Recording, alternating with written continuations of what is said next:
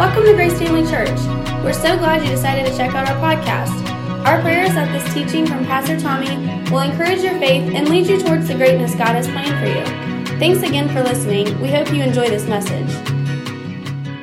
I do believe the Lord has a word for us today uh, about discovering our destinies. We've been talking about the, the destiny, and, uh, and, uh, and so I want to spend a little time talking about that. Today, I want to talk about the wonder of what is yours personally to give to others.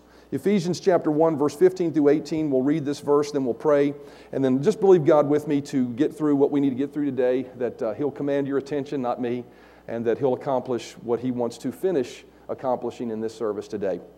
It says in verse 15, For this reason, ever since I heard about your faith in the Lord Jesus and your love for all the saints, I have not stopped giving thanks for you, remembering you in my prayers. I keep asking that the God of our Lord Jesus Christ, the glorious Father, may give you the spirit of wisdom and revelation so that you may know him better.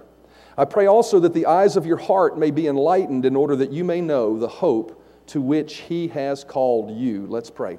Father, thank you so much for your word. Thank you so much for just, I'm so grateful for you uh, and your presence here in this church. And help us always remember to keep our eyes on you and let this be about you. And I pray that even as we come to your word today, that this would absolutely be about us encountering you, hearing from you. Let these words drip from your lips to the hearts of your people.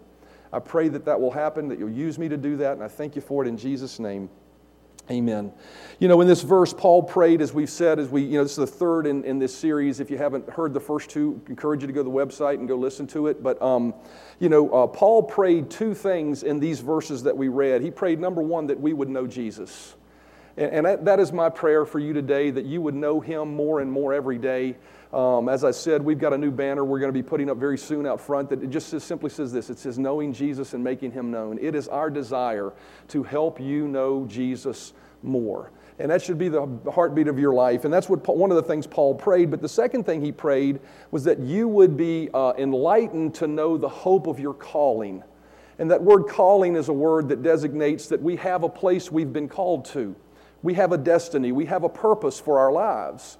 And no matter who you are, no matter how old you are, kids, if you're in here today, God created you for a reason. He made you specifically who you are, and you have a purpose in your life. And so it's important for us to understand what that purpose is. Why? Because one day we're going to give an account for that.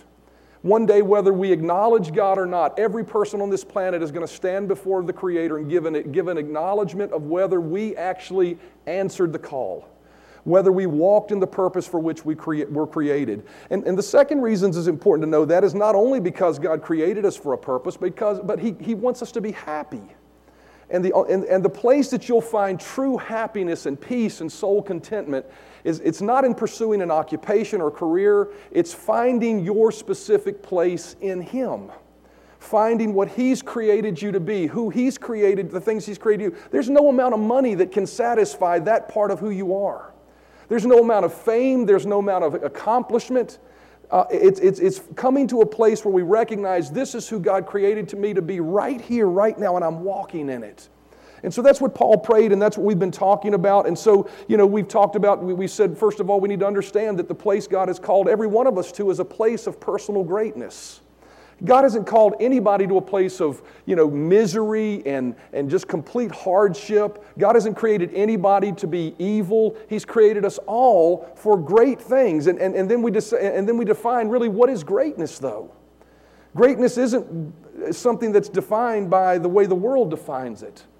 When we say God's called us to something great, He's called us to a life that's defined by how much of a blessing our life can be to others. And you know, you can go along in your life and never be seen by many people, but be just a great blessing to your family as a mother. How many of you realize that's a place of calling? If nobody ever sees that you get up in the morning and cook breakfast for your kids, or you wipe their snotty noses, or you clean their room when they don't clean it, how many realize that's a place of calling God has called you to, if, if you recognize that? And it's important for us to recognize that, you know, uh, greatness isn't defined by how visible or how much we accomplish, but it's really defined by simply this Have I discovered my place in Him, and am I responding and being obedient to it? And we define that place in Him very simply as this it's a place of being a blessing. It's not a place of selfishness. It's not a place of personal consumption. It's not a place of personal achievement. It's a place of your life being an outflow and being a blessing to others. And as we seek to find that place, we pointed out, I'm not going to go back into the details of it, but last week we, we pointed out that we don't want to wind up in a place where we're a round peg in a square hole. We're doing something we were never created to do.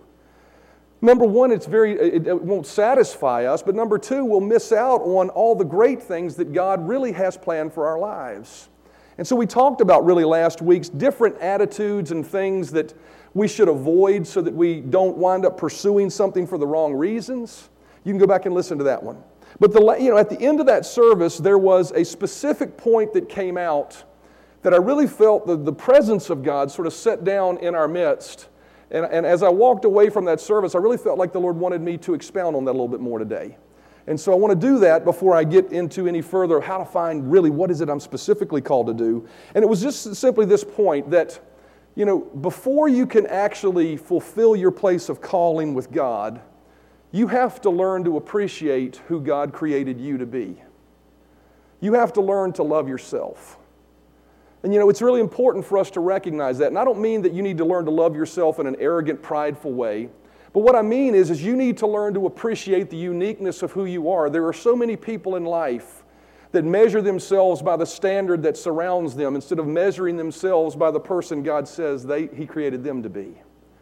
We're all unique. We're all different. We all have different gifts, talents, different likes, different experiences that come to the table with. And, and through those things, that is who we are. And God says, I want you to recognize, I really believe this, that He says, I want you to recognize first, before you even look at being a blessing to others, that what you have on the inside of you is awesome.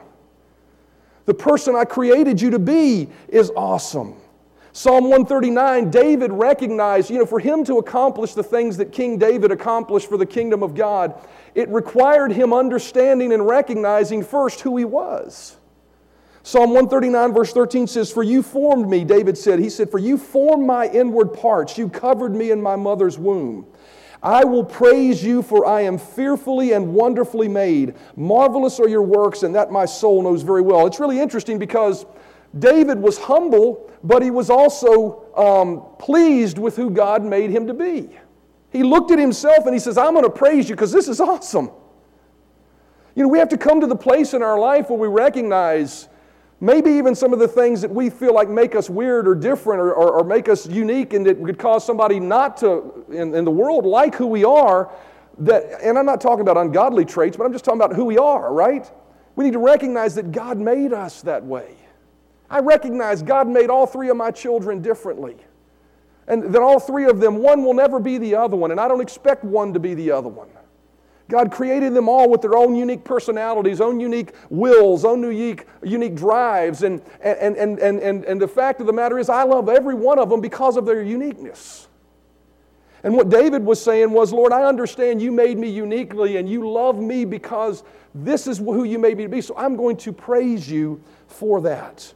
And so, until we come to the place that we learn that there is something great on the inside of us, not because of what we don't have, but because who He made us to be, unless we realize that, we'll never fulfill our calling. Uh, you know, the, Peter and John, we see this in them as they were headed to the, the, the, to the temple to worship in Acts chapter 3. In Acts chapter 3, it says, Now Peter and John went up together to the temple at the hour of prayer, the ninth hour. And a certain man, lame from his mother's womb, a certain man that was crippled, was carried, whom they laid daily at the gate of the temple, which is called Beautiful, to ask alms from those who entered the temple. Who, seeing Peter and John about to go into the temple, asked for alms, and fixing his eyes, the, the, the, the cripple says, fixing his eyes on, on Peter and John, with John, Peter said, Look at us. And so he gave them his attention, expecting to receive something from them. Then Peter said, and I want you to notice these words because this would go sort of crosshairs to many name it and claim it people in the, in the body of Christ today. He said, Silver and gold I do not have, but what I do have I give you. In the name of Jesus Christ of Nazareth, rise up and walk. And he took him by the right hand and lifted him up, and immediately his feet and ankle bones received strength. So, so he, leaping up, stood and walked and entered the temple with them, walking, leaping, and praising God. Peter and John were headed to the temple, and this man looked on them, and he, and he, and he was expecting something from them. And what he was expecting from them, he did not have to give. First thing we can learn from that story is simply this is the world is always going to expect something from you that potentially is not within your wherewithal to give it. But Peter didn't let that, he didn't look at what he didn't have. What he did is he took his eyes off what he didn't have and looked at what he did have. Or I could say he looked at the one he did have. And what he said is, Silver and gold have I none, but the one that's living on the inside of me, I'm going to give him to you. And when I give him to you, he's going to make a change in your life. And he said, In the name of Jesus Christ of Nazareth, rise up and walk. What that verse, what that scripture shows us is that we should be people that are more focused on what we do have than what we don't have. For us to be used for the kingdom of God, we have to recognize what is in our possession right now to be used by Him. But for most of us, it's the opposite. We look at our lack of ability, we look at our lack of resources, we look at our character flaws. But I want you to think about Peter for a minute. Peter had no finances, but the man was expecting finances. Peter, just a few months earlier, had betrayed the Lord three times. He could have looked at his character flaws and said, Who am I to give him Jesus? I don't qualify.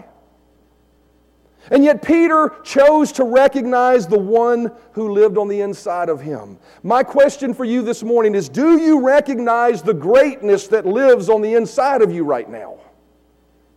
Not only the uniqueness of your personality and the uniqueness of who you are, but do you recognize the uniqueness of the one who lives in you?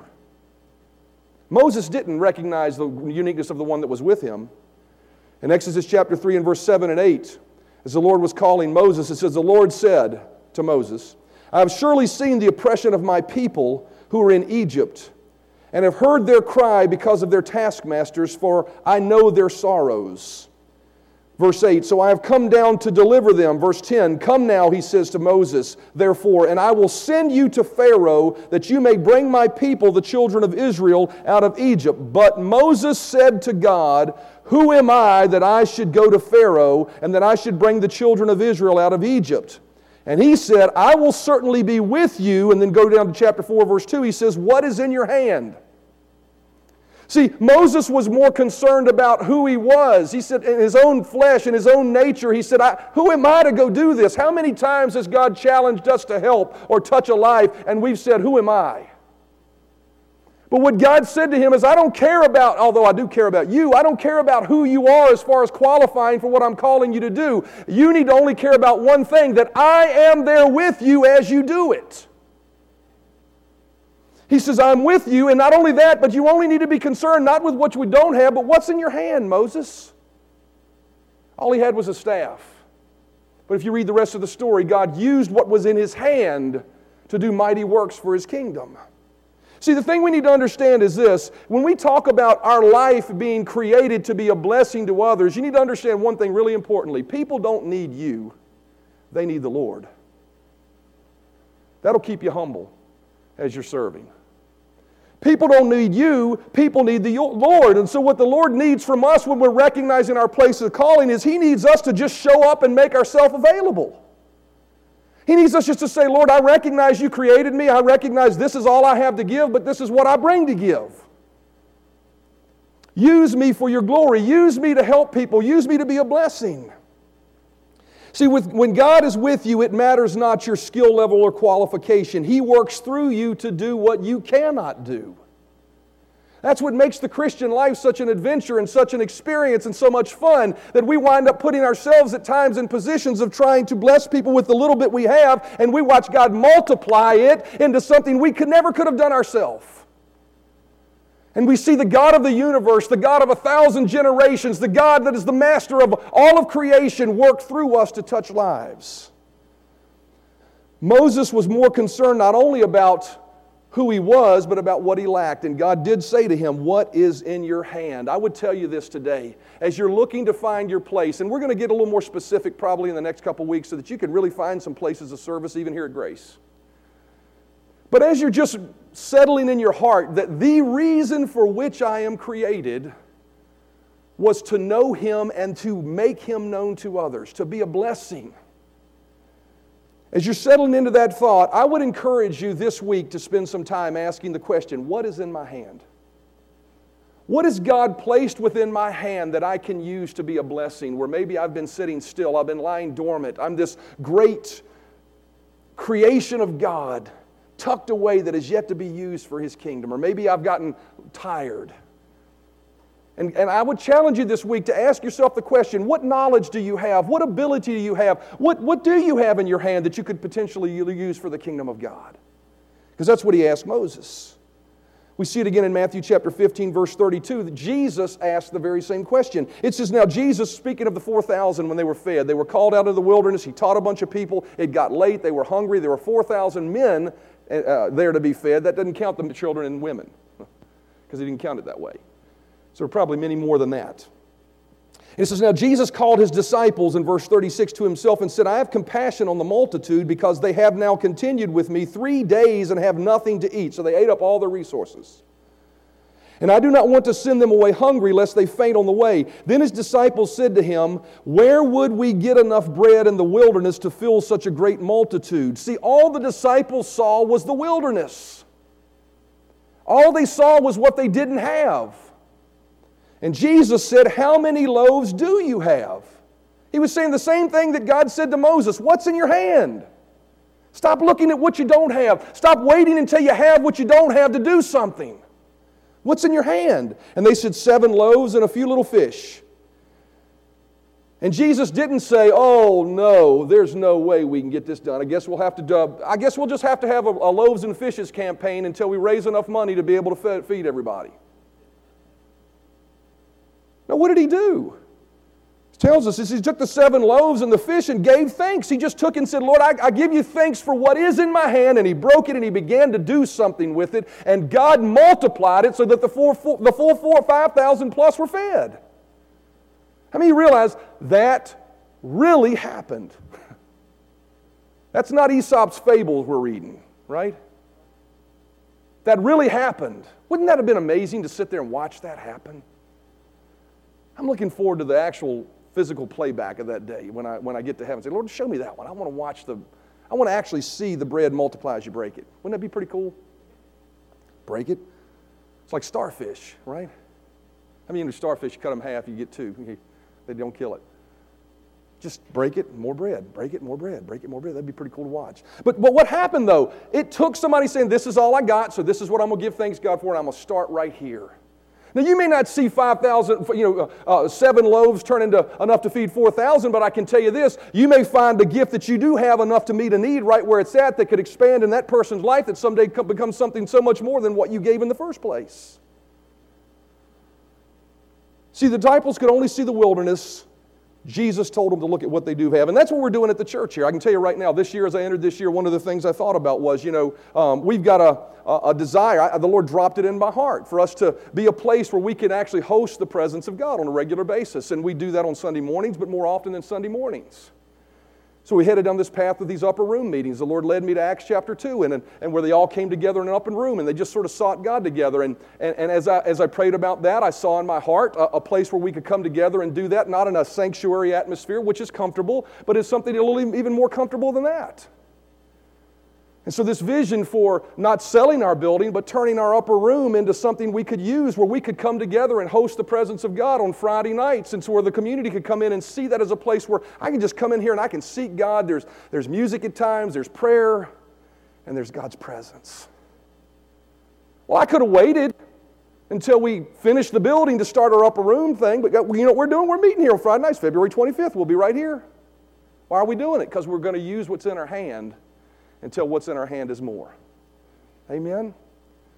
Same thing with the building fund. You know, as I was looking, we're trying to raise money for that first project, and we're not quite there yet. We're, only, we're actually only about a little under halfway there. I'm like, well, Lord, do we need to wait for the money? What's in your hand? I can tell you what's in our hand. Every one of you people sitting right here.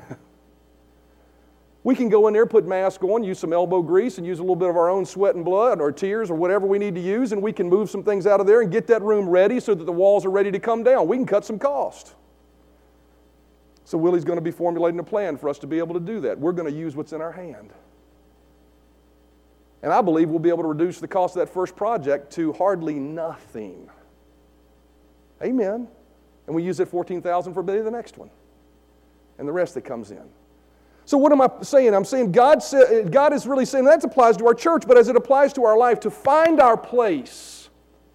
Don't wait until tomorrow to be a blessing. Look around your life right now and say, What can I do right now to be a blessing? What hole at Grace Family Church can I fill right now to be a blessing? Where can I step in? You know, I find it ironic many times, and nobody here, everybody, everybody look at your neighbor and say, He ain't talking about us. You know, I've pastored 20 years and been in ministry since I was 18 years old. I'm 55 years old. Can't tell you how many times I've heard people leave a church because they noticed something wasn't there that they needed. And I've always said, maybe you noticed what was needed because God wanted you to fill the hole. Amen. Amen. Sometimes it's just on us to, to, fill the hole, and you may find that that could be your actual place of calling. You may say, I never thought that. It could be. We're going to be talking about some of those areas. And so, God is less concerned about our ability and our resources that, uh, when we're talking about be, becoming a blessing and filling a place of blessing. All He's really wondering is asking us is, Are you willing to use what you have in your life? Are you willing to use the person I created you to be for the kingdom of God? How do you do that? I'm going to close here in just a moment. Matter of fact, musicians, we're going to do our, fam- our communion here in just a moment. But how do you do that? The first thing you do is this, and I'm going to give you a homework assignment, is just simply look around your life this week and begin to ask the question what can I use in my life today that is in my possession or in my know how or in my ability, in my, my makeup of who I am? How can I begin using that to be a blessing to someone?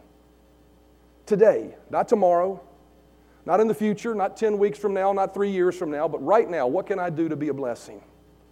How can I be the blessing? Because that is who you're created to be. You want to step into your destiny, you want to step into your purpose, stop figuring out a great high place you're called to and figure out the need that's in front of you right now and figure out the resources you have to meet it. And as you begin to walk in that place, God will lead you step by step by step to the places to which He's called you. And as you're faithful in those little things, He'll lead you to the bigger things. And I can tell you this from just sheer experience. As you're faithful in the little things, He will humble you so that when you get to the bigger things, you're not arrogant about it. Amen. Just get started with something. No more excuses. When it comes to your purpose in life, there are no more excuses because you know what your purpose is now. Your purpose is not a place, it is to be a blessing. Today and tomorrow and every day. The second thing is this to simply recognize the treasure you have on the inside of you. Recognize when I tell you to survey the resources of your life, recognize one of the things you're surveying is the one who lives in you. Peter said, Silver and gold have I none, such as I have. Do you know who you have living on the inside of you today? 2 Corinthians chapter 4 and verse 5 says, We don't preach, Paul said, we don't preach ourselves, but rather Lord, the, the lordship of Jesus Christ. Verse 7 We are like common clay jars that carry this glorious treasure within, so that the immeasurable power will be seen as God's, not ours. The King James says we have this treasure in earthen vessels we have within us a living treasure, God Himself living on the inside of us. I was thinking about this this morning. The God that created the infinite number, millions of universes, and is the master of every one of them, lives on the inside of you as a believer.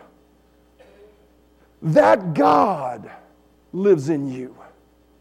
That glory lives on the inside of you. And when we simply bring our clay, our individual selves to the table, it matters not how weird it is, or how unique it is, or how lumpy it is, or how out of shape it is. It matters not how inadequate it is. Because He takes that clay and shapes it into something beautiful that becomes a vessel through which He can move. As I said earlier, God is looking for you to make yourself available to the world around you. He, God is a spirit. But how many you realize there's, a lot, there's billions of people on this planet that don't operate in a spiritual realm right now? Very natural people. And what God needs of every believer that resides on this planet are those who will open their eyes and say, Lord, let me be God in flesh to someone else. Not God Himself, but the one that's carrying about this treasure in an earthen vessel, the God that lives on the inside of me. Let me be that. Colossians 1 25 and 27 says, I became a minister. Paul said this. This is, this is sort of a mesh together. You go back and read the whole thing and see it's doing it justice. But for this purpose, I want you to hear these words coming out of these, three, these two verses. Paul said, I became a minister according to the stewardship from God which was given to me for you. He said, I became a minister because God gave me something to steward. God gave me something I'm responsible for. I'm telling you something, you all have been given something you're responsible for. And that responsibility says to make the Word of God known, to, to, to, to fulfill the Word of God, to make known His mystery. Now, here's the mystery, which is Christ in you, the hope of glory. This is what Paul said. He said, I, I'm a minister and I'm fulfilling my calling because God has called me to make known to you that there's something on the inside of you. And that something on the inside of you is Christ Jesus Himself by the power of the Holy Spirit. And notice what he says about that. He says, That Christ in you is the hope of glory. That word glory is the word that means manifested presence of God.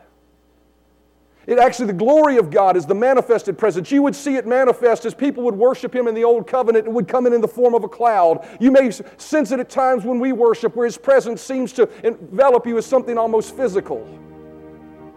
Paul says we need to recognize that we carry around within us that manifested presence of God, so we should never feel inadequate about filling our place or our purpose. We just have to show up and love people. Just love them and be a blessing. Christ in you, the hope of glory. Close here. Ephesians 1:18 says, "I pray also that the eyes of your heart may be enlightened in order that you may know the hope to which he has called you." My prayer is that you've been enlightened today to understand that something and someone great dwells within you. First of all, because you are made uniquely and you are fearfully and wonderfully made. Secondly, because within who you are, if you've accepted Christ, He lives in you. And you have the ability to fulfill your purpose and your calling to be a blessing to the world around you, to let Him ooze out on everybody you touch. Amen? Next week, we're going to talk about specifically what are some things you can begin doing. But for now, survey your life. Recognize what you do have. Amen. And recognize who is with you. Amen. Thanks for listening to our Grace Family Church podcast. We hope you enjoyed this message. If this ministry has blessed you in any way, we would love for you to get connected. Just go to gfcva.info for more information about who we are, how to give to this ministry, or how you can get involved. Thanks again for listening, and we hope to see you soon.